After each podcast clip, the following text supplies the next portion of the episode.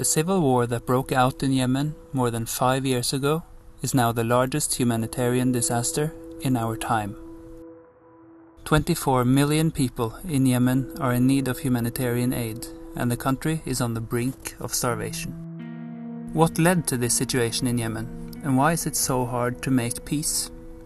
Professor Stig Jarle Hansen from the Norwegian University of Life Sciences explains what happened in Yemen after the Arab Spring broke out.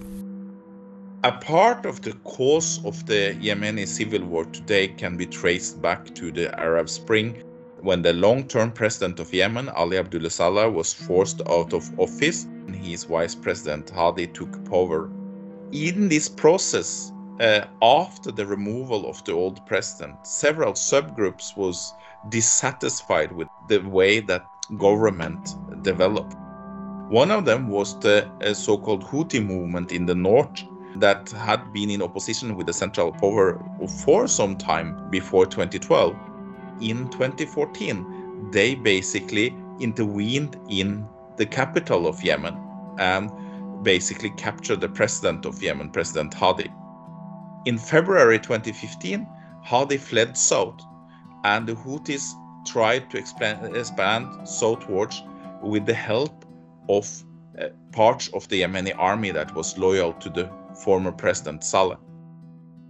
They reached Aden and tried to conquer the southern port city of Aden in March, which led to a Saudi Arabian and United Arab Emirati intervention to support President Hadi against the Houthis.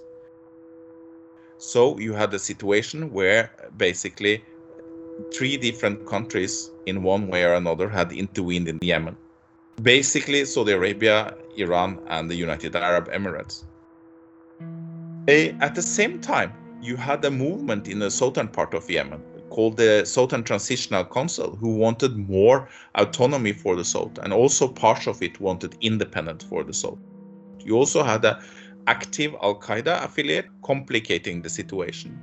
Saudi Arabia and the United Emirates also had somewhat diverging policies, although in principle supporting the Sultan presidency. In 2017, the former President Saleh, that had been removed in 2012, was killed by the Houthis, although he had been an ally of the Houthis before that year. And the problems uh, really for the Yemeni populations increased after November 2017, after the Houthis have launched ballistic mi missiles towards Saudi Arabia. Saudi Arabia decided to punish uh, the Houthis by putting a blockade up on vital ports uh, supplying the Houthi controlled areas. That means that food import was also blocked. And this created a lot of suffering on the ground, although it was criticized from United Nations at the time. Saudi Arabia has at times promised to lift its embargo. It has also promised to make special concessions uh, to uh, humanitarian actors, but so far to, uh, it has been very uh, complicated to import food into Yemen, although it's a serious situation when it comes to food supplies.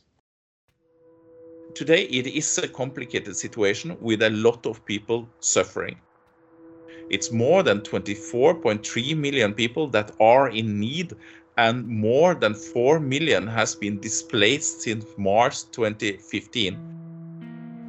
The suffering is quite large, although it's a big humanitarian uh, disaster, the international media hasn't been that much focused on the conflict. Fortunately, humanitarian actors as well as the UN still pays attention to the conflict. It's not looking that it's going to be solved in the near future and the suffering will continue. That's why it's important for us to keep an eye on Yemen and see if uh, we can pressure through new solutions to the conflict.